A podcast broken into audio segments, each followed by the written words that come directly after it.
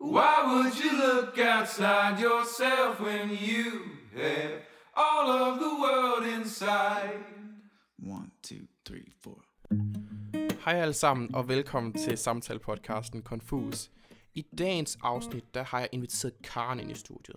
Og grunden til, at jeg netop har inviteret hende ind, skyldes, at hun er utrolig transparent omkring hendes diagnose, skizofreni, på Instagram. Hvor hun ligesom fortæller om hele livet med skizofreni, hvordan omverdenen reagerer på det, og ligeledes så holder hun også foredrag til alle mulige mennesker omkring hendes liv med netop denne diagnose.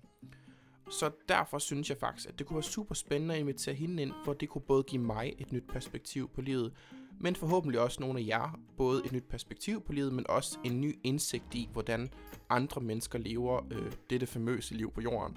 Så forbereder jeg på et rigtig fint øh, afsnit, hvor I møder en super entusiastisk ung kvinde, som der har virkelig meget på hjerte. Så med de her ord, der synes jeg, I skal ønskes en rigtig god lyttelyst. Hej. Hej! Hej, velkommen. Tak. ja. Tak fordi jeg var med. Selvfølgelig, selvfølgelig.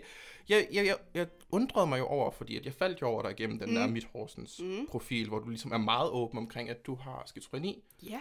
og du har en prof- Instagram-profil også selv, hvor du fortæller om dit liv med skizofreni. Mm, hende den skizofrene. Ja, hende den skizofrene. Og hvorfor at du tog et valg om, at jeg skulle være offentlig omkring det her? Men det har aldrig rigtig været et valg ikke at være offentlig omkring det. Mm. Jeg blev diagnosticeret som 12-årig. Ja. Og øh, for at tage sådan noget skam væk fra mig, som jeg forbandt med den her sygdom. Okay. Selvom det var en lettelse at få den. Mm-hmm. Øh, så noget skam tog min mor væk ved at sige, at vi skal sige det højt. Ja, Hvis du ikke siger det højt, kan de ikke tage hensyn til det. nej. Så det her med at øh, sige det højt og være verbal omkring det, og være verbal omkring ens behov i forhold til det, Mm-hmm. var mega, mega vigtigt. Ja. Og øh, så blev jeg foredragsholder for en også, øh, en del år senere, da jeg var 18. Jo, jeg må have været a- knap 18. Øhm, og der besluttede jeg mig egentlig for, at dem, jeg holdt oplæg for, skulle mm-hmm. have Mhm. noget at komme, vende tilbage til. Noget, de kunne vise frem, og noget, de kunne dele med hinanden, og noget, jeg kunne dele med dem også. Mm-hmm. Så de fik egentlig eftermælet også af historien, jeg fortalte der. Ja. Og derfor startede jeg hende skizofrene. Ja. For mig selv, for at fortælle mit indre kaos. Ja. Men også for, at, at andre kunne spejle sig i, hvad det er at have skizofreni. Ja. Fordi jeg følte ikke, da jeg blev diagnosticeret, at der var meget repræsentation af den positive side af skizofrenien. Mm. Det vil jeg give dig ret i. Helt sikkert. For man, man møder jo ofte kun, at skizofreni, nu kommer jeg med mine fordomme her omkring. Mm. Kom der, med dem. Ja, der møder man jo ofte med, at det er øh, psykopatisk træk, at det er mm. to virkelig forskellige personligheder, eller flere virkelig mm. forskellige personligheder, man skifter imellem. Og så møder man jo et velafbalanceret menneske som dig, og så sådan Mhm. lidt, hvordan kan det her det hænge sammen? Ja. Og er det også noget, du har mødt ofte? Er det sådan lidt, what? Jeg, øh, jeg datede faktisk en total, total nar på et tidspunkt. Som, hvor jeg da fortalte, der var jeg ikke så verbal omkring det, jeg fortalte det faktisk ikke, før vi havde kendt hinanden et par uger, tror jeg. Mm-hmm. Og øh, efter det besluttede jeg så, at jeg skulle fortælle det hver, første gang, hver gang. Øhm, men han sagde, øhm, jeg ved det godt, hvad skizofreni er, og du har ikke skizofreni. Nå, For fanden, dickhead. Ja. Ja. Jeg har skizofreni. Er du psykiater, eller er du ingeniør? ja. Du er ingeniør, så hold din fucking kæft. ja, du ved ikke, hvad du snakker om lige nu. Ja, nemlig. altså, det er dine fordomme, der taler der for dig. Mm-hmm. Men det er jo ikke, og det kan godt være, at virkeligheden er sådan for nogen, men det er jo ikke min virkelighed. Mm-hmm. Ja. Har du haft kontakt med mange skizofrene mennesker i takt med, at du selv har fået diagnosen?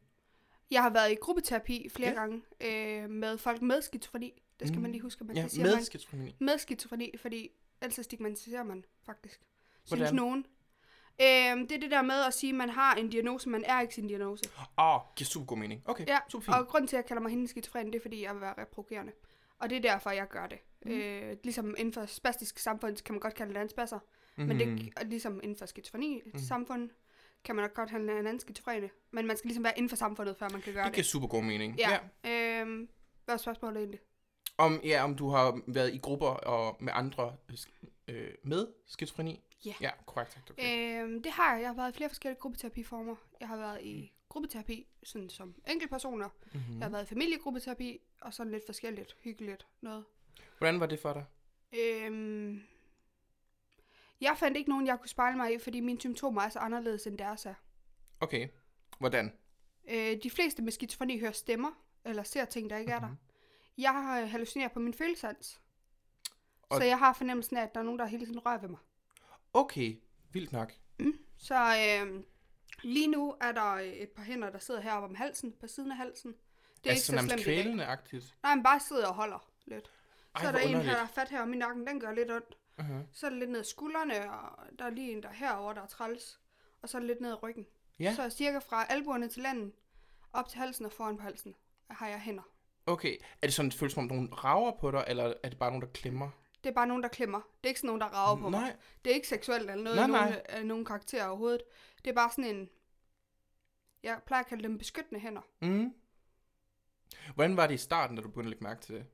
Øh, det jo fucking scary. Ja, for jeg tænker ikke, det virker beskyttende i starten af sådan et, Nej. hvad er der sker her? Øhm, men jeg var jo 12 år gammel, og jeg gik den her tur i en skov. Vi var lige flyttet ned til min mors kæreste. Mm-hmm. Og jeg havde fået den her hund, jeg altid havde drømt om. Ja. En stor, lækker, hvid samoyede, som bare var fucking dejlig. Aha. Og han hed Fakas, og vi plejede at gå den her tur om eftermiddagen. Det var mm. Mhm. mit job, Ja. nu når vi havde fået ham. Og jeg går rundt i skoven og sådan noget, og så øh, er alting bare som det plejer at være. Jeg plejer at synge lidt, fordi så holder jeg mørket væk Aha. på en eller anden måde, fordi det her det er om efteråret, sent efterår.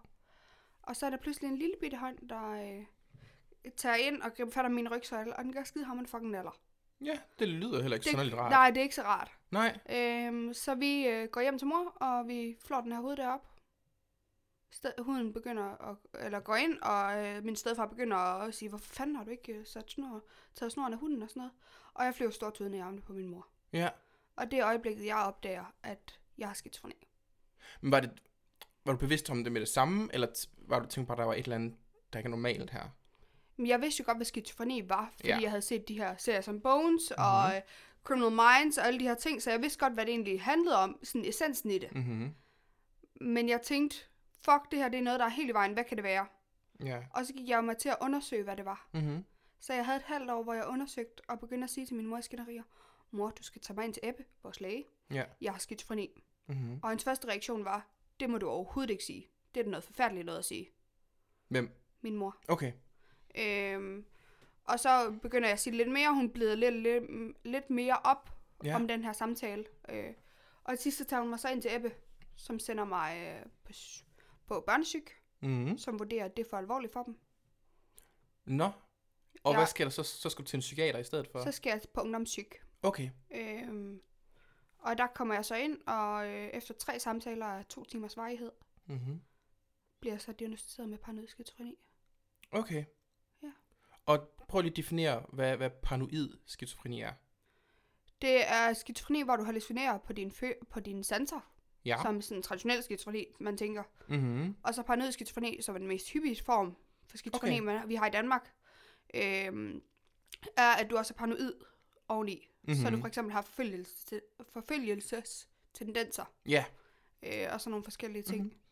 Men det er sjovt, at det man, øh, der er den mest hyppige, fordi i mit hoved vil den mest hyppige være, at man hører stemmer, at der er nogen, der snakker til Men en det er også en at del gøre af den. ting. Okay, det er en del af det. Altså, du hallucinerer på en af dine fem sanser. Okay, ja, ja, ja. Og det skal være bizarre vrangforestillinger. Mhm. Mm-hmm. Som for eksempel, at du hører stemmer, eller at du hallucinerer på din følelsesans, og du mærker hænder på Mhm. mm. kroppen. Så der er sådan nogle forskellige kriterier, der skal opfyldes Mhm. mm-hmm. øh, for det. Ja, og hvordan er du, hvordan er du så kommet, ikke igennem det, men lært at at leve med det? Eller det er en del af dit liv? Hvordan er det blevet sådan en... Mm, Det er det mellem mange år, gennem mange års læring. Okay, Altså det der med, at nogle gange så falder du ned, og så skal du lære at kravle op igen i hullet. okay. Og hvad kan få dig til at falde? Øh, altså lige nu er jeg jo i en mega presset eksamenssituation. Jeg skal aflevere Okay. okay. eksamen på torsdag. Ja. Og fuck. ja. Øh, så det er også en situation, hvor jeg er rigtig presset og godt kan falde lidt ekstra. Mm-hmm. Men altså, jeg er ikke faldet sådan ned, så jeg ikke kunne komme op uden hjælp igen, Nej. siden jeg var 15. Okay. Og hvordan, hvad sker der i takt med, at du falder? Hvad er sådan... Øh, det er øh, øget træthed, blandt andet. Ja. Øh, mine hænder gør mere ondt. Mm-hmm. Jeg bliver mere angst. Øh, jeg sover ikke lige så godt. Ja. Jeg øh, får nogle mærkelige tendenser i forhold til OCD, for eksempel. Ja. Hvor jeg jo så skal tjekke og bliver nervøs for, at har jeg nu alting med. Mm. Øh, så Okay. okay. tjekker jeg for eksempel, nu tjekker jeg faktisk to gange. Jeg har været op på seks gange. Jeg bor på anden sal, og når jeg går ned og skal ud af dør, hoveddøren, Mm. så tjekker jeg op, og når jeg har lukket døren, så tjekker jeg lige, har jeg lagt nøglerne i tasken, eller hænger de i døren. Mm. Og så tjekker jeg lige, når jeg går ud af døren, Har jeg lagt nøglerne i tasken, eller hænger de ude af døren? Eller er de Okay. oppe i hoveddøren? Eller oppe i min egen dør? Øhm, så for eksempel det bliver ja. værre, så skal jeg tjekke det. Når jeg går ud af døren, når jeg er nået halvvejs ned på trappen, når jeg er nede på raponen, og sådan, altså så bliver jeg mere nervøs anlagt Mm. på en eller anden Okay. måde. Ja. Hvad er det. Hvad er det for en form for angst, og så Øh, panikangst. panikangst? Okay. Der Så bliver sådan en, trigget øh, af pres bare generelt? ja. Okay. Generelt. okay. Og hvad, prøv, vil du prøve at forklare, eller male et billede af, hvordan panikangst det føles? Mm, For mig føles det lidt som sådan en brand, Okay. egentlig, hvis man kan forklare det sådan. Mhm. Altså det der med, at man kommer ind i, i hu, huset begynder at brænde. Mm. Du har, left, du har øh, lagt et øh, viskestykke på komfuret, Mm. og det begynder lige så stille at brænde opad. Ja. Så det her med, at viskestykket lige så stille brænder op, og så får det fat i køkkenskabene, Mm. og så kører den videre ud i rummet, og sådan ligesom suser opad på en eller anden måde. Ja. Jeg er meget billedlig. Så Jamen, det det her med, mening. Altså det her med, at først har du glemt viskestykket på komfuret, og så er det ikke så slemt. Mm. Så kan du godt nå at slukke den. Mm. Men lige pludselig er det hele huset, der brænder, og så skal du Ja. bare ud af situationen. Okay. Men det giver okay mening, fordi altså, det er jo generelt svært for folk, der ikke lider af angst, at sætte sig mm. Ind i angst, for det er en Ja. meget diffus, underlig Ja, ting. nemlig. Og jeg havde på et tidspunkt en anden gæst inde, der hedder Andrea Hede, som der lider. Mm. af dødsangst. Mm. Og hun sagde, at følelsen var som om, at der er nogen, der holder hende nede, Mm. ens, for, hvis hun ligger i sengen for eksempel. Ja. Så er det følelsen af, at hun ikke kan bevæge sig, hun bare gerne vil op. Ja. Og hvordan er det, du kommer ud af dine anfald? Øhm, det gør jeg ved at komme ud af situationen. Okay. En del af min øh, paranoia er forbundet med min perfektionisme. Okay. Så det her med at skulle være søde, rare karne udad Mhm. til. Øhm, og når jeg så har fået et angstanfald, så er jeg søde, rare karne udad til, som ryster helt vildt og er mega kaos indeni. Mm. Og når hun kommer ud af situationen, så begynder hun at stortude og ryste, og kan overhovedet ikke være i sig selv, og har faktisk brug for, at der er nogen, der tager over mm. Mm. i situationen. Okay. Fordi hun ikke er i stand til at gøre andet end bare være. Okay. Og bare kæmpe, kæmpe med angsten egentlig. Ja. Fordi det er lidt sådan en bølge, der kommer ind over en. Mm. Og så når den ligesom er ved at trække tilbage, så suger den der lidt under. Mm. Og så er der brug for, at der er nogen, der redder dig op. Kan nogen gøre det? Det kan de helt sikkert. Okay. Ved mig kan de godt i hvert fald. Ja. Øh, det er blandt andet min mor, der bare skal sådan, ligesom få mig ud af situationen. Og så skal hun lige sætte mig ned. Så skal hun lige kramme mig. Ja. Og det er det, der bare skal til, og så det er kan det, du der mærke skal til. Så kan jeg mærke sådan en frigivelse. Mhm. Mm-hmm. Altså, så, er jeg, så er jeg fri af bølgen og fri af branden. Ja. Okay, det giver super god mening. Mm. Hvad er det for nogle øh, fordomme, du møder mest i forhold til at være skizofren, eller leve med skizofreni? Ja, men det er jo ofte de der med, at så tror folk, at man har to personligheder, eller mm. At man øh, er et andet menneske, end man er, eller man hører stemmer, eller man er sindssyg, eller man er ikke er til gavn for samfundet også på en eller anden måde. Ja. Fordi ofte hører man jo den der med, at en fjerdedel af førtidspensioner bliver jo tildelt folk med skizofreni. Mm. Og det er jo sådan lidt en, øh, en hæftig del af det. Det er det i hvert fald. Det er en ret hæftig del af det. Det er også en voldsom ting at få at vide, Ja. hvis du fik det at vide som, som Mm. et helt ungt menneske. Altså, ja, yeah, du får jo nok en førtidspension, og Ja. der er ikke så meget mening derefter. Nej. Var det sådan noget, du fik at vide? Jeg fik jo, der står i mine papirer fra en øh, tidspunkt, jeg er 13-14 år gammel, og der står, øh, patienten vil aldrig opleve, vil højst sandsynligt aldrig opleve et fast tilknytningsforhold til arbejdsmarkedet eller arbejdsliv. Det er også det er en vild sætning at kaste afsted til et så ungt menneske. Ja. Og kan du huske, at, at det blev sagt til dig? Jeg kan ikke huske, det blev sagt til mig, Nej. men min mor kan huske, at det blev sagt. Mhm. Til hende i hvert fald. Ja. At de skulle ikke lige forvente, at jeg blev til noget. Nej, nej, at du er mere bare en, der kommer til at være i systemet. Ja, og min mor troede, at nu skulle hun være hende den psykisk syge, øh, eller hende moren med den psykisk syge datter, mm-hmm. som Mhm. øh, boede på huset med 30 katte. Ja. Altså, Mhm. mm-hmm. hun troede ikke, at der var andet for, de, for mig og andet for hende. Mm. Og så var vi sådan lidt, hmm, eller var min mor sådan lidt, at så skulle der fandme være noget i det. Ja. Så skulle vi fandme ud af det her. Mm. Og ikke sådan ud af det, som øh, vi kunne ikke være i det, Mm-hmm. men ud af det, som om, at vi skulle kæmpe imod det og kæmpe igennem det. Ja. Så min mor, hun, øh, hun kender en meget klog dame, vi kalder Kranio Karina hjemme hos os, fordi hun Mhm. er kraniosakralterapeut. terapeut. Okay. Og hun begynder at give mig nogle punktmassagebehandlinger, Ja. altså noget kraniosakralterapi. Mm-hmm. Øh, og så kender hun den her homopatiske læge i Schweiz, Ja. som øh, giver en, no, hende nogle værktøjer til at hjælpe mig. Så jeg kommer på sådan en øh, homopatisk diæt, som er uden øh, kød Ja. fra pattedyr, og laktose, gluten og sukker. Sådan. whoop. indskrænket plan. Ingenting overhovedet. virkelig ingenting. ingenting. Ingen gode ting. Ja. ja. Øhm, men det skulle jeg spise efter, og jeg spiste efter den halv år. Og efter det halve år var jeg sluppet helt af min PN-medicin, som sådan noget medicin, man får, hvis man har det rigtig skidt. Ja.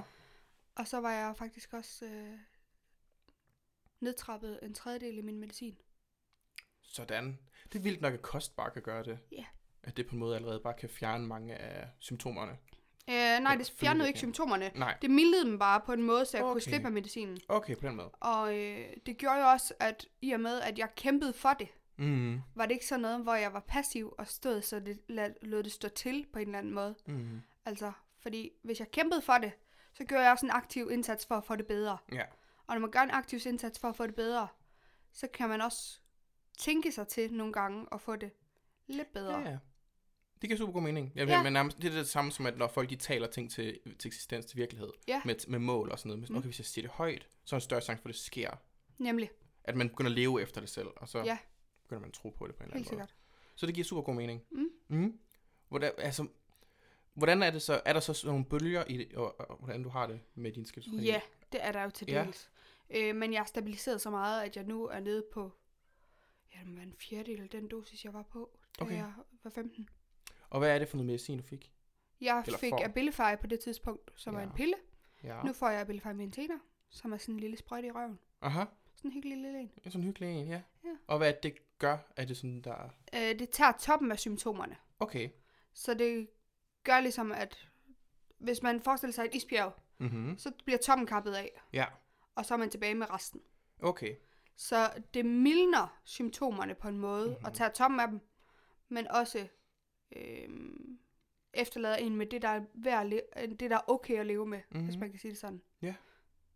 Men altså, jeg vil gerne lige tilbage til det der med, at du tog, at du, eller du sagde, at du havde ikke et valg om at være offentlig. Det var bare en ting, Mm. der nærmest bare var naturligt for dig. Ja. Synes du slet ikke, at det har været trættende, men lige pludselig nærmest skal være et ansigt udad til, eller en talsperson for en diagnose? Jeg synes, det er mit, øh, mit bidrag til verden, Mm. og mit bidrag til fint. samfundet, Ja. at fortælle, hvor berigende det også kan være. Mm-hmm. For det er jo berigende, det er forfærdeligt, men det er også berigende. Hvordan berigende? øh, det har jo givet mig en, øh, en virkelig god empati, Mm-hmm. altså en virkelig stærk empati, Ja. og givet mig en evne til at sætte mig ind i andres folks følelser, øh, uden at forstå dem, men at forestille mig det. Mm. For man kan jo ikke forstå andres følelser, man kan Ja. forestille sig dem. Ja. Øh, og det her med at lære så meget om sig selv i så ung en alder, gør jo også, at man er bedre beredt på at skulle omgive sig med mennesker, Ja. og være noget for andre mennesker også. Mm. Også selvom det, jeg synes nogle gange, det er mega trættende at skulle være noget for andre mennesker. Helt sikkert. Helt Og det er jo ikke, om det er fremmede, øh, der besøger min Instagram, eller om det er min bedste veninde, der kommer over til kaffe. Mm. Bare det der med at skulle være noget for andre mennesker, og kunne være noget godt for andre mennesker, Ja. er mega vigtigt for mig. Mm. Det kan jeg, jamen, ja, helt sikkert.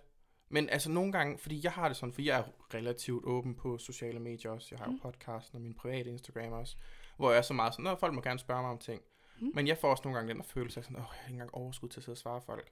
På sådan, Mm. Fordi det er dybe spørgsmål. Mm. Får du aldrig den følelse af sådan lidt, åh, jeg har slet ikke overskud til at snakke mere om det her. Ikke til at snakke om det, men jeg Ja. kan godt se det der med at, at skulle bes- besvare en besked, der er rigtig kompleks. Mhm. Her til morgen fik jeg en besked, som var ret kompleks, øh, som jeg tænker, at den svarer på, når jeg er færdig med min eksamen. Øh, Okay, ja. Og så Fordi så kan, jeg, så kan jeg bedre fokusere på at svare hende Ja. ordentligt. Og det vil, jeg vil hellere gøre det ordentligt, end at gøre det halvt. Det gider jeg faktisk ikke rigtig gøre det halvt. Det synes jeg også er bedre at gøre, når det er øh, intense og vigtige emner. At så skal Mhm. ikke bare være sådan noget hurtigt noget. Nå ja, det er træls, øh, gør sådan. Ja, nemlig. At så skal man også gå ind i det oprigtigt, hvis man Nemlig. tager et valg om at, om at bruge sin stemme til et eller andet. Nemlig. Ja.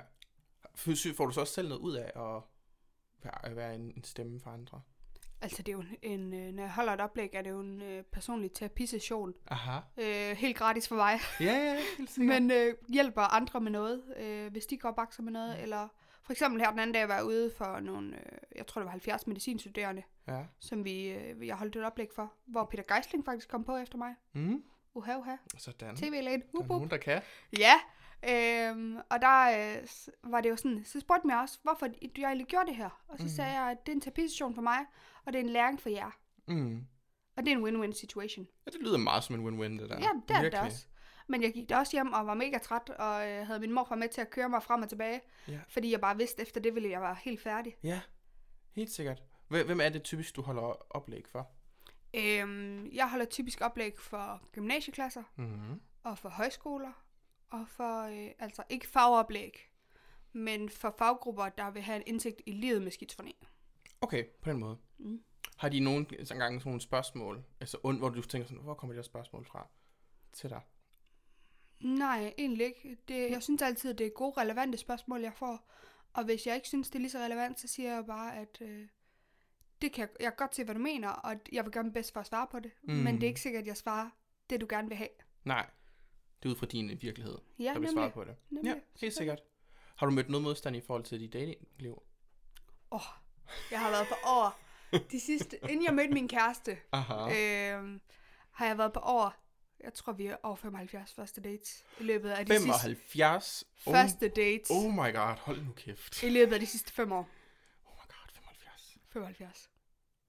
Og hvorfor lige... Det, det er et meget højt tal, vil jeg gerne sige, Ja. på dates. Sådan. Er det fordi, du bare har været åben omkring at sige, hey, Jeg, altså efter ham der narrøven, mm-hmm. øh, var jeg sådan lidt, altså hvis han skal være sådan narrøv, og jeg skal have noget ud af det, og de skal have noget ud af det, så bliver jeg nødt til at være front omkring det. Mm-hmm. Sige det på første date, og så må de take it or leave it. Ja, Altså, så, må de, så ved de, hvad de går ind til, ja. på en eller anden måde.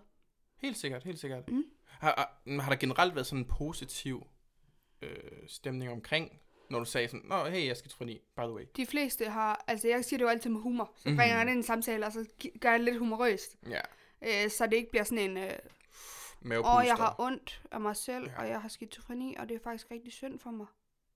Altså, det, der, så har du ikke lyst til at date videre med mig. Og så bliver man lidt hurtigt så bliver man sådan som lidt, sådan øh, det er da et ynkeshow, det der. Ja, det bliver langt. Ja, nej, det gider man ikke faktisk. Mm-hmm. så det der med at sige det før, at sige det højt, Mm-hmm. man gør det på en sjov måde, Ja. øh, og ligesom gøre det vittigt, og Mhm. mm. dejligt, og humoristisk, og lyst. Ja, så møder jeg ofte den der, øh, det var der, hvad er det for dig? Ja. Og det er egentlig den bedste reaktion, du overhovedet kan have. Det er Ja. den der, hvad er det for dig? mm. For ham der narrøven troede jo, at han vidste, hvad det var. Nå, jeg Og spurgte ikke ind til, hvad det var for mig. Ja, ja. Så, Han har set et tv-program og hørt Ja. nogen snakke om det. Og sådan, ja, nemlig. det passer, så ved han jo alt en om boks. det. Ja, du passer ikke ind i boks, det. ja, det giver ikke mening Ja, der. nej. Ja. Hvordan reagerede du egentlig på den situation, da han sagde det til dig? Men jeg blev harm. Okay, Altså- du blev, du reagerede direkte. Øh, altså, jeg sagde, "Mm, det kan godt være, du synes det, men det er ikke sådan, der for mig. Mm-hmm. Øhm, og jeg har altså skizofreni, og så tog jeg pænt mit tøj på og gik. Ja, så tak for den her gang. tak. Farvel. Vi ses Hej. ikke igen. Ja, never, never again. altså, for helvede. ja, fantastisk. Ja. Jeg vil gerne grave tilbage til, for du sagde, du fik det, fandt ud af, at det var 12, Mm. ikke? Og umiddelbart, når man får sådan en voldsom diagnose, som det er i, da, i nutiden i hvert fald, bliver det Ja. anset som en meget voldsom diagnose, mm. formoder jeg. Var der noget i dit sådan ophav, der reagerede på det på en negativ måde til at starte med? Ikke hvad jeg oplevede. Nej. Altså, det var sådan... Det var lidt mere øh, inde i dem, det skete, tror jeg. Okay. umiddelbart. Fordi de reagerede ikke ud for mig, over for mig, med at det var negativt. Okay. Vi havde det for eksempel i vores familie, har vi sådan en Facebook-gruppe, vi kalder klanen, Ej, hvor hyggeligt. hvor vi øh, skriver alle de vigtige ting ud. Og der øh, skrev min mor ud, at jeg havde fået den her diagnose, Mm-hmm. og at hvis jeg var klar til at snakke om det, så ville jeg gerne selv bringe det op. Ja.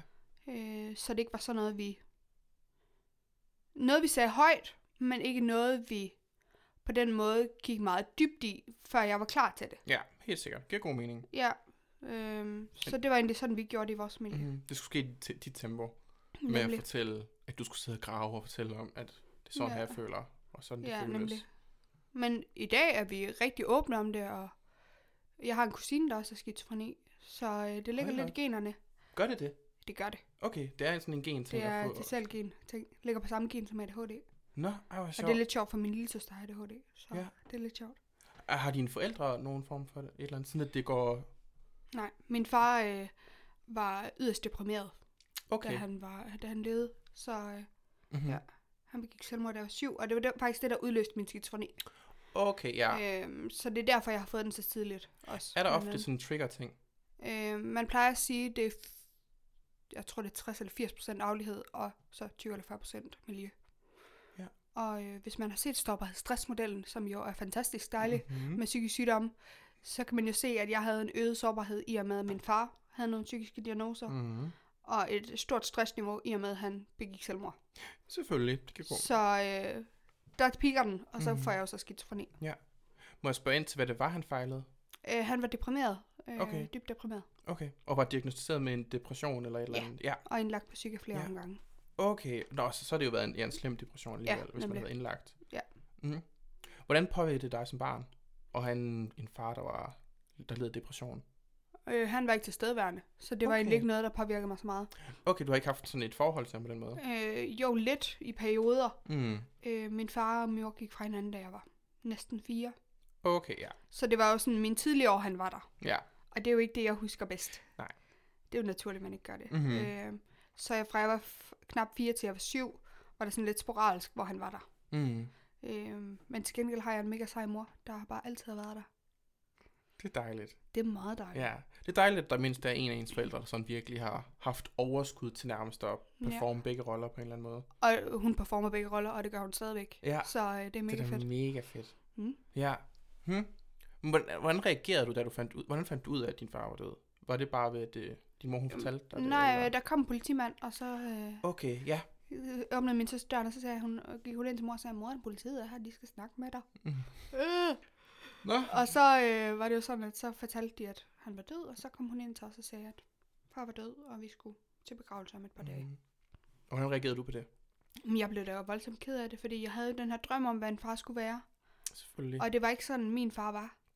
Mhm. Øhm, men jeg tror mere, jeg, jeg sørgede selvfølgelig over ham. Det gjorde jeg helt sikkert. Mm-hmm. Men jeg sørgede også mere over den idé, jeg havde om, hvad en far skulle være. Helt sikkert. Og håbet om, at Ja. en dag så bliver han den Ja. far, idealfaren. Nemlig. Sådan er det jo ofte med børn, der har fraværende forældre. Ja. At de, der er den, man siger det der med, at børn, der har forældre, som der ikke er til stedeværende, eller lider af et eller andet, eller misbrug Mm. eller sådan noget, så elsker de deres forældre endnu mere i håbet Mm. om, at "Jamen, fordi jeg elsker dem endnu mere, så Mm. på et tidspunkt, så må de se det, og så må de også bare vise sig sådan, at nå ja, ej, Karen elsker mig så meget, så er jeg nødt til at vise mig som Ja, nemlig. den perfekte far, og se bort fra mine egne mangler. Men han, altså, jeg har jo også... Øh, jeg har fastslået, at han gjorde alt, hvad han kunne overhovedet. Selvfølgelig. Så, ja. Og han gjorde sit bedste ud fra hans omstændigheder. Helt sikkert.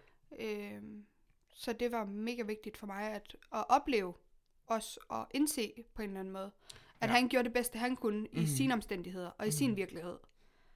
Og min mor gør det bedste, hun kan i hendes omstændigheder, hendes virkelighed. Mm-hmm. Men det er sådan noget, man først, nu tolker jeg, at det er noget, man først, den indsigt får man først med alderen. Når man er Ja. et barn, som sidder med sådan lidt, Ja, hvorfor er du ikke far ligesom alle andre ja, fædre? ja, helt sikkert. Ja, fordi det er også noget, noget jeg kan se, fordi jeg har en, en kæreste, der har øh, mi- misbrugforældre.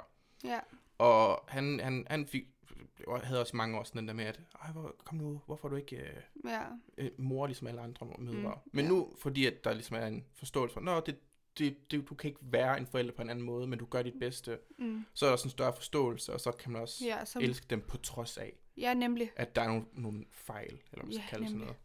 Mm. bestemt. Har du haft, øh, har du været, været sur på din far? Jeg har været pissehammerende vred. Ja. Mm. Altså, hvordan fanden kunne du vælge at sige, Ja. at jeg vil ikke det her mere efterlade mig og min søster? Mm-hmm. Det var jeg pisse vred over. Ja, Det synes jeg faktisk ikke var okay.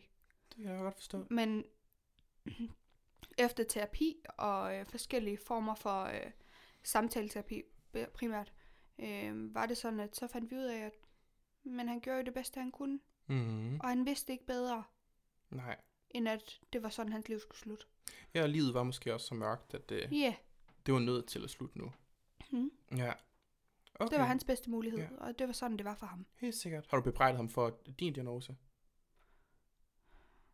Nej, Okay. det har jeg faktisk ikke. Mm-hmm. Øh, jeg tror lige, jeg har tænkt over det, som om, at det var min far, der gav mig den. Nej. Øh, men bare tænkt, at det var sådan, mine livsomstændigheder var Mm-hmm. og er. Har du nogensinde været vred over, at det er dine øh, omstændigheder i livet, at du skal have den her diagnose? Det var jeg i starten. Ja. Øh, altså i starten tænkte jeg, hvor fanden skulle det her være mig? Ja. Men jeg tænkte også, jo længere jeg kom i forløbet, tænkte jeg jo også, jamen, jeg er troende. Øh, og jeg tænkte, Gud kan ikke give dig noget, du ikke kan klare. Okay. Og jeg tror faktisk på Gud for at have nogen. Øh, er lidt sjovt. Ja, det er super sjovt. Øhm, ja. det er for at øh, skyde skylden på nogen. Jeg har rigtig stort behov for at placere skyld. ja. Okay. Og hvis jeg ikke skal placere den ved mig selv, eller min far, eller min mor, mm-hmm. eller Mhm. min lille søster, så skal jeg placere den ved Gud. Ja. og så er der ligesom nogen at skyde skylden på. Ja, det er dig, der er den onde lige nu. ja, der så er det det dig, der er den dumme. mig. Mhm. Så er det ikke mig, der er den dumme, eller min far, eller min mor, eller min lille søster, eller min mormor, eller whatever. Ja. Så er det Gud, der er dum. Mm-hmm. Og det har det hjulpet dig? Ja, helt vildt. Ja. Det der med at kunne placere skylden andet sted end ved mig selv. Ja. Og end ved far. Har du altid været troende, eller noget, der kom i takt med din diagnose? Jeg har altid sådan tænkt, at der var noget mellem himmel og jord. Mm-hmm. Men jeg har aldrig sådan tænkt, at det var Gud. Nej. Og så havde jeg sådan lidt brug for, så havde jeg en samtale med min mor, øh, da jeg var omkring 9 år, tror jeg. Så sagde hun, men kan vi ikke bare skyde skylden på Gud? Ja. Jo, let's do it. Det, det gør vi sgu da. nok, at vi kan det. Ja, det gør vi da bare. Mhm. Mm. Skyder vi skylden på ham? ja. Og går du i kirke og sådan noget også? Nej, jeg, Nej. er, Det er bare dit eget lille... det er mit eget lille øh, hellig, Ja. hellige rum. Ja. Det er, okay, ja, Mm. fint. Det er egentlig sjældent, man møder, øh, i hvert fald for mig, øh, unge mennesker, som der er religiøse og siger Mm. mm. højt, hey, jeg er sgu religiøs, og jeg tror på, at der er en eller anden Mm. magt oppe i himlen, der siger et eller andet. Ja. Jeg tror på Gud for at have en havde. Det er, en, øh, det er ikke for at sige det underligt, men det er en, det er en, meget atypisk Ja. grund til at, Mm. mm. at være troende. Mm. Mm. At det er fordi, man har brug for at pege, pege fingre på et eller andet. Ja. Det er dig, der er skyld i, at Ja, de her nemlig. dårlige ting er sket for mig. Ja, fordi ofte er det jo sådan en, øh, um, Gud øh, giver os alt det gode, Mm-hmm. men nej, Gud giver mig faktisk alle mulige dumme ting. Mm-hmm. Så ham hader vi lidt. Ja. Ja. Han er sgu også en dum en, der Ja. giver os alle de I udfordringer. hvert fald i mit hoved er han. Ja, ja. Altså, men Ja. det kan jo godt være anderledes for andre. Ja, altså, jeg tror generelt, at Gud er, eller religion er, et, noget, de, de tager til sig, hvis de ikke er opvokset med det. At mm. de Mm. tager det til sig for at finde mening med ting, for eksempel. Ja, selvfølgelig. Men, mennesker bliver ofte tit religiøse, når de mister en meget nær Mm. person. Sådan lidt. Mm. Jeg har brug for mening, jeg har brug for en, jeg kan sende mine tanker og min, min sorg et eller andet sted hen. Mm. Altså derfor. Og det giver også mening i takt med, at du har mistet en forælder og har Mm. fået en diagnose, har brug for. Så i dit tilfælde at sige, dig der er skyld i det, du er den dumme, Ja, der har nemlig. gjort alt det her onde imod Mm. mig. Så du ligesom kan give slip på noget af vreden. Ja, nemlig. Mm-hmm. Helt sikkert. Vil du sige, du var et vredt barn, efter du alt det, der skete? Nej, det Nej. tror jeg egentlig ikke, jeg var. Jeg var et anderledes barn. Øh, Hvordan? Jamen, øh, mens de andre spillede fodbold, så sad jeg på biblioteket og læste Harry Potter. Sådan. Same. Ja, så det var sådan, altså... Min måde var egentlig ikke sådan at, at være... Og jeg følte mig rigtig uden for fællesskabet. Mm-hmm. Øh, så det der med at finde mit eget fællesskab, og det fandt jeg så i bøger, ja. og i øh, senere i skriverier og tekster, og øh, det der med at læse, og, og, og sådan lidt flygte fra virkeligheden på en eller anden Mhm. måde, ind i en anden virkelighed, Ja. var mega vigtigt for mig. Ja. Øh, så det der med at ikke leve ens eget liv, men også nogle gange leve nogle andres liv. Mm-hmm. Ja. Jeg tror, blev du mobbet som barn? Ja, yeah, det vil Ja. jeg nok sige egentlig, at Mm. de, de holdt mig godt udenfor i hvert fald. Ja. Sådan er det ofte. Ja. At, øhm, børn, der skiller sig ud, fordi børn er, som fan- så søde og dejlige de kan være, så er de også utroligt ondskabsfulde ved hinanden. Og modbydelige. Ja, de er modbydelige mod hinanden. Og så Mm. dem, som der ikke passer ind i mængden, Mm, ja. finder et eller andet andet. For mig var det at male og tegne, og for dig var det så at læse og, så, Mhm. og leve dig ind i andres verdener, og måske Mhm. leve deres verdener også på en eller anden måde. Nej, jeg levede sig ind i dem. Leve jeg læste dem. Okay. Altså, jeg læste primært. Jeg spillede ikke rollespil eller eller Nej, nej. Okay, men så okay. Så det var bare lige at leve sig ind i verden og ligesom få et break fra, hvad virkeligheden brændte Mm-hmm. med sig. Helt sikkert. Og det var det, Harry Potter for eksempel kunne gøre for Ja. At det var sådan Harry Potter og. Josefine Ottesen. Jeg elskede Josefine Ottesen bøger. Ja, Ja, ej. Jeg tror, jeg læste dem alle sammen. det var helt vildt. fantastisk. Ja. Dem, dem kender jeg faktisk ikke, for at være helt ærlig. Ej, jeg læste også Skammerens datter. Åh, oh, Dem dem har jeg læst. Dem De har jeg læst. Ja, de er jo også gode. gode. Ja, men Harry Potter tror jeg nok var min sådan... Også fordi nu er jeg jo så gammel, så jeg var jo, da de blev udkommer og sådan noget. Ja. Så altså, der, jeg har jo jeg har læst dem, da de udkommer, og stod og ventede ved døren, når de, stod, når de udkommer. Altså, så, åh, den næste bog! Ja! Altså, jeg læste, min første Harry Potter-bog læste jeg i første klasse. Slutningen af første ungt klasse. alligevel. Stor Ja. bog at læse, Ja, sådan en lille barn. øh, der var også en del ord, jeg ikke forstod, da jeg læste men så måtte jeg jo stykke det sammen og lave mine egne ord, ikke? tænker jeg også sådan lidt, sådan lidt, Ej, slutningen af første klasse. ja, alligevel men jeg var et meget begavet barn. Aha. Så, altså, jeg var klog. Ja. Intelligent. Har du følt sådan en pres nu, så det siger øh, intelligent, intelligent barn, et presforhold til at kunne performe? Helt sikkert. Aha. Helt sikkert. Altså det der med at... Også i takt med min perfektionisme, er det der med at skulle præstere Mm-hmm. mega vigtigt for mig. Ja. Øh, og det der med at sige, okay, jeg er skizofreni, men jeg kan fandme godt. Mm. Ja, jeg er nødt til at vise, at sådan, på trods af, Ja, nemlig. at det her, så kan jeg stadig være en af de bedste, og Ja, nemlig. super god, og den kloge, og den smilende og sådan noget. Nemlig. Mm. Du har også nævnt i vores samtale, at du, når du er sammen med mennesker, så viser du dig som den smilende og søde og overskudsagtige Karen. Sødrakaren. Ja, søde og rare Karen. Mm. Og, men indeni er der et kaos. Mm. Korrekt Kan man godt kalde. Ja, er det, har du sådan en følelse af, at det fordi du ikke kan leve op til det, du performer? Jeg tænker, at grunden til, at jeg er sødrakaren udadtil, det er, fordi jeg ikke vil vise, at jeg er ved at knække sammen indeni. Hvorfor vil du ikke vise det? Fordi det er hårdere at vise, at jeg knækker sammen indeni, end at være sødrakaren udadtil. Mhm. Og at folk ikke skal bekymre sig Ja. på en eller anden måde. Men er det ikke på en måde belastende for dig Det er selv? virkelig hårdt. Ja. Mega hårdt. Det tænker jeg da også. At du, Ja. nu hvor du også selv siger, at du jo gerne vil altså, du ved, at du har den her diagnose, mm. og du lever med det og sådan noget, at så, nu er det mig, der spørger, bare spørger ind, at kræver det så ikke også, at man er nødt til at være transparent hele tiden og sige sådan et, Jo. jeg er sgu ikke sød og lige nu. Jeg har det Ja. super dårligt og er ved at knække sammen. Mm. Men er det svært at stå ved Det er det? mega svært at sige det højt. Mm-hmm. Altså det der med at skulle ligesom knække sin egen perfektionisme skal, Mm-hmm. er mega, mega hårdt. Ja. Øh, og det der med at sige højt, hey, jeg har det faktisk med svært, og det her det er ikke sjovt mere. Ja. Det er mega hårdt. Mm-hmm. Er det noget, du har det svært med at stå frem med generelt over for mennesker? Jeg har svært ved at gøre det sådan øh, person til person. Okay. Har jeg virkelig svært ved det. Men hvis jeg skriver et post på Instagram, gør jeg det gerne. Ja, men så er der også Så lidt det, afstand. der er nemlig noget. noget afstand Mhm. mm-hmm. til det, og så skal jeg ikke sådan være front omkring deres reaktion med det. Mhm. Okay. Mm. Men ja, okay. Jeg, jeg synes bare, det lyder bare utroligt svært at skulle performe Mm. sig glad. Ja. Men generelt set er jeg jo en, en glad og smilende. Mhm. Er jeg jo generelt set sød og rar Karen. Mhm. Men indeni er det nogle gange sådan, at så er der lidt angst og sådan lidt nervøsitet og lidt ekstra pres og lidt ekstra stress. Og dem, jeg er rigtig nær, nær med, for eksempel min kæreste, min bedste veninde, min mor, min søster, min mormor, sådan nogle forskellige personer, øh, kan jeg jo godt sige til, jeg fandme ved at knække sammen, og nu skal du fortælle mig, at jeg ikke skal i skole i morgen. Er du nødt til at tage over nu? Ja, nu er du nødt til at tage over. Okay. Og det, det har du lært at kunne Mm. gøre? Til dels, ja. Ja. Altså, jeg, for eksempel her den anden dag tog jeg hjem til min mormor, efter jeg havde været til træning. Øh, jeg øh, dyrker styrkeløft. Ja. Så det her med at træne var rigtig fedt, og det giver mig et, et, et frirum der også. Mhm. Mm. Øhm, men så tog jeg hjem til min mormor, og så sagde jeg, mormor, du skal fortælle mig, at jeg ikke skal i skole i morgen. Fordi ja. det vil jeg ikke kunne sige til mig selv. Men det er da vildt nok, at du ikke kan sige til dig selv, det er helt i orden, du bliver hjemme Mm. lige nu. Ja. Der er ikke overskud til det. Mm. Men er Jeg- det den der perfektionisme-agtige noget? Ja. Hmm. Er det noget, du be- bearbejder på en eller anden måde? Jeg prøver hele tiden at sådan ligesom mærke efter og sige, okay, Ja. det er okay. Ja. ja. Det er mega svært for mig, det der med at sige, at for mig selv er det okay. Hvis Mhm. min veninde kommer og sagde til mig, hey Karen, jeg har det fucking svært, så vil jeg jo sige, hvad kan jeg gøre for dig? Og nu skal du blive hjemme. Mm. Stay at home, jeg kommer med en kop te, så er alting okay igen. Så Ja. snakker vi lige om det, så kan du sove, og så tager jeg afsted igen. Ja. Det vil jeg jo gøre for min bedste veninde. Ja. Any day. Aha. Men jeg vil aldrig gøre det for mig selv. Det synes jeg bare er vildt. Mm. Mm. At man ikke prior- vil prioritere sig selv frem for andre mennesker. Ja, og, men det er også det der med, at jeg har det jo sådan lidt, at når jeg gerne vil gøre noget på trods, så skal jeg gøre det på trods. Mhm. Så jeg arbejder rigtig med, meget med den der, ikke på trods, men bare fordi. Mhm. En mand går ikke på trods at han har et ben. Han går, fordi han skal et sted hen. Ja.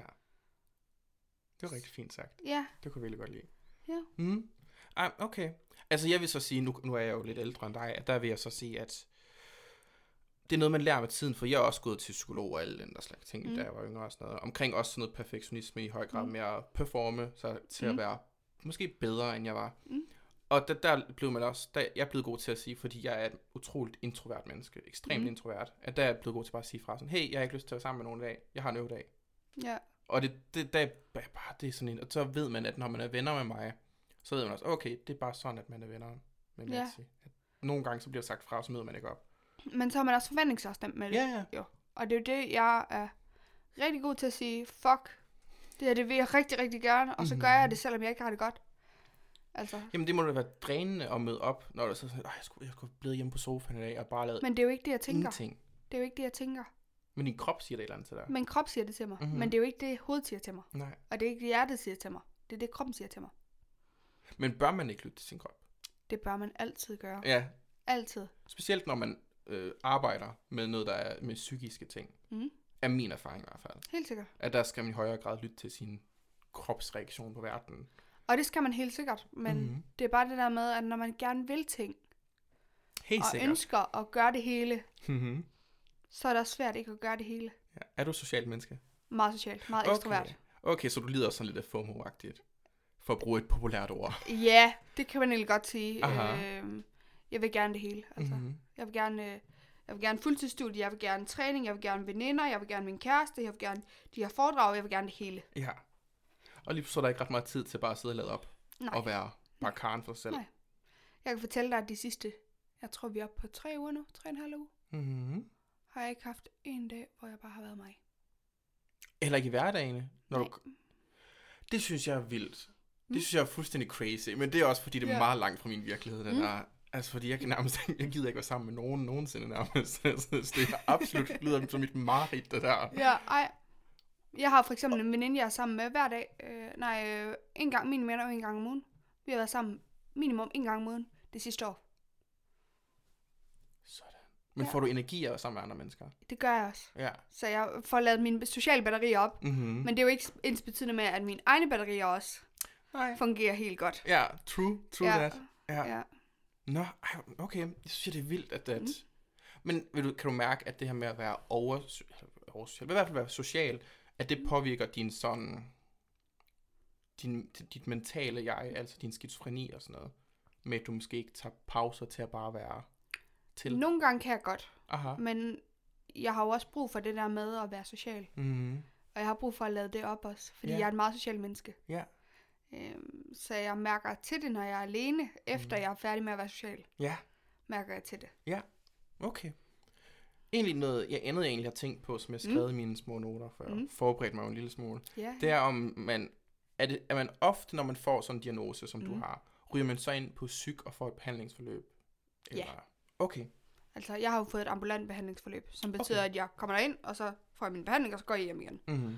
Øhm, men jeg kender der flere, der er blevet indlagt af flere omgange. Og var det et ønske, du havde, at du ikke ville være indlagt? Det var det ønske, min mor havde. Okay, ja.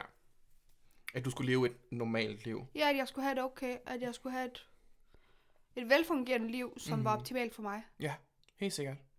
Mm. Vil du sige, at din diagnose er en af de sådan værre øh, skizofrene udgaver? Jeg føler mig rigtig heldig for ikke at have stemmer. Ja. For det må da være helt vildt. Hjælp mig lige her. Invaliderende. Tak. Ja. Øh, det kan jeg aldrig sige det ord. Men det må da være helt vildt forfærdeligt at have nogen, der taler rigtig grimt til en. Fordi det er jo ofte det, de gør. Om det lyder absolut forfærdeligt, fordi jo, altså, jeg kender en enkelt, som der også lider af en mild grad af skizofreni, mm. som har det med stemmer, og det er sådan Mm. det eneste, jeg ved om det. Og der er det, det er nærmest stemmer, der får hende til at, sådan, der overtaler hende til at gøre ting nærmest. Ja. Og det lyder jo fuldstændig, når man sidder og ikke kan leve sig helt ind i, så lyder det Mm. fuldstændig crazy, at der er stemmer, der fortæller en, hvad man skal gøre. Øh, jeg kender flere, som har stemmer, der bare taler ned til en. Og taler rigtig Ja. grimt til en. Dårligt for ens selvværd. Ja, og det er jo faktisk, det må være helt vildt slemt og helt vildt forfærdeligt at skulle opleve Ja. ja. hver dag. Og skulle kæmpe imod, mm. at der er nogen, der taler rigtig grimt til en. Fordi hvis der var en, der sagde, du er grim, så ville du sige, "F- hvad fanden siger du er sådan, dig røven. Ja, hold kæft. du om? Ja. Øh, jeg er fucking lækker, så stop det der. øhm, men sådan ligesom, altså, skulle tale imod det, må mm. være helt vildt færdigt. Men jeg har en af de former for skizofreni, der er hård på den måde, at jeg er psykotisk hele tiden, Mm-hmm. hvor andre jo er psykotiske i perioder. Hvad skal det sige at være psykotisk? Bare for lige at fortælle det Det betyder lytterne. at have øh, vrangforestillinger hele tiden. Okay. Så mine hallucinationer er en vrangforestilling, og dem har jeg hele tiden. Okay. Okay, og dine vrangforestillinger er, er kun i forhold til berøring? Mm. Okay, det er ikke sådan noget med, at du ser ting og sådan Nej, noget? kun okay. på min følelsesans.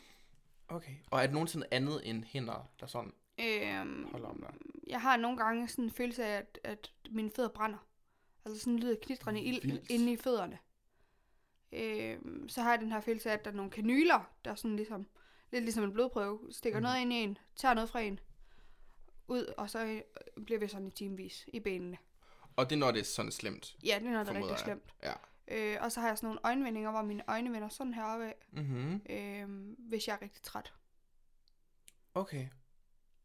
Og hvad, okay, og det, du må tale om uvidenhed herfra. Sådan, mm. Hvad er det kom, kommer det af? Er det bare sådan Det er bare en del af skizofrenien, at man har nogle, at man reagerer på... Ja, Ja, man reagerer på noget. Øh, Okay, Og så er det jo forskelligt, hvad symptom det kommer op som. selvfølgelig, selvfølgelig. Nå, jeg synes Men jeg er hallucinerer på min følelsesans primært. Mhm. Ja. Mm. Kan du nogen, er der nogle gange, hvor du er i tvivl om, om det er virkeligt? Altså sådan, at der, at der faktisk står mennesker omkring bag dig og sådan noget. Nej. Du er bevidst om, at det er... Jeg er bevidst om, det er min fantasi, der Ja. spiller mig et pus. Mhm. Ja. Okay. Okay, så man, og, og det har du altid haft den bevidsthed om, at det ikke er, Da jeg var yngre, var jeg mere i tvivl. om der var et eller andet, der sker her. Ja, da jeg var yngre, var jeg mere i tvivl. Mm. Men i og med, at jeg har lært mig og min sygdom at kende, og den har udviklet sig, Selvfølgelig. så er det jo en mere naturlig del af mig, at det bare er min fantasi og mit Ja. nervesystem, der spiller mig et pus. Ja, helt sikkert. Mm. Vi nærmer os også øh, sådan slutningen nogenlunde, og der vil jeg Uha, virkelig gerne, øh, ja, allerede, det går hurtigt. Ja, og der vil jeg virkelig gerne høre dig, hvis at man får sådan en diagnose, Mm. som, øh, som øh, skizofreni. Hvad vil dit sådan største råd så være til en person? Rom blev ikke bygget på en dag. Okay, det er sådan et Og skridt det er okay at sørge over det liv, du troede, du skulle have. Okay, Det der med sådan ligesom at tænke, at mit liv skal se sådan her ud, og så får du sådan et godt hug nedad i en mm. skizofreni-diagnose. ja. Og så er det okay lige at, at omsadle og finde ud af, okay, det er ikke det liv, jeg troede, jeg skulle have, men det er et okay liv, og det liv, jeg får, er mindst lige så fantastisk, som det, jeg troede, jeg skulle have. Ja, Og så bare tage et skridt ad gangen, og øh, bygge op til, at du får rom en dag. ja, herop. Det er bare lidt anden vej, du skal gå, end alle Ja, andre mennesker nemlig. skal. Nemlig. Det synes jeg er utroligt fint sagt. Og det sidste spørgsmål, jeg vil stille dig, Ja. det er et spørgsmål, jeg stiller alle mine gæster. Oha, oha. Uha, uha, uha. Det er, at man skal finde, give mig et ord eller en overskrift, der kan omfavne mm. hele ens liv. Så mm. hvad er dit ord eller sætning, der omfavner dig som menneske? Jeg plejer jo at sige, at skizofrenien er min bedste veninde og min værste fjende. Mm. Så det tror jeg er min sætning. Ja, det giver super god mening. At det er både noget, der sådan holder dig i hånden igennem livet, men også sådan skubber dig lidt mm. på Mm. vejen. Ja. Det synes jeg er rigtig fint sagt. Så med de ord, vil jeg gerne sige tusind tak, for at du var med i- podcasten. Tak fordi jeg måtte. Ja. Det var mega fedt. Ja, og skal vi ikke lige igen råbe højt for øh, din Instagram, så vi laver Jo, noget reklame? hende den skizofrene. Hende mega fedt. skizofrene. Følg Må I rigtig gerne få gå ind og følge, så I kan lære noget mere omkring skizofreni. Whoop, whoop. Fantastisk. Så igen, tusind tak. Tak fordi jeg Ja, måtte. Sådan lidt.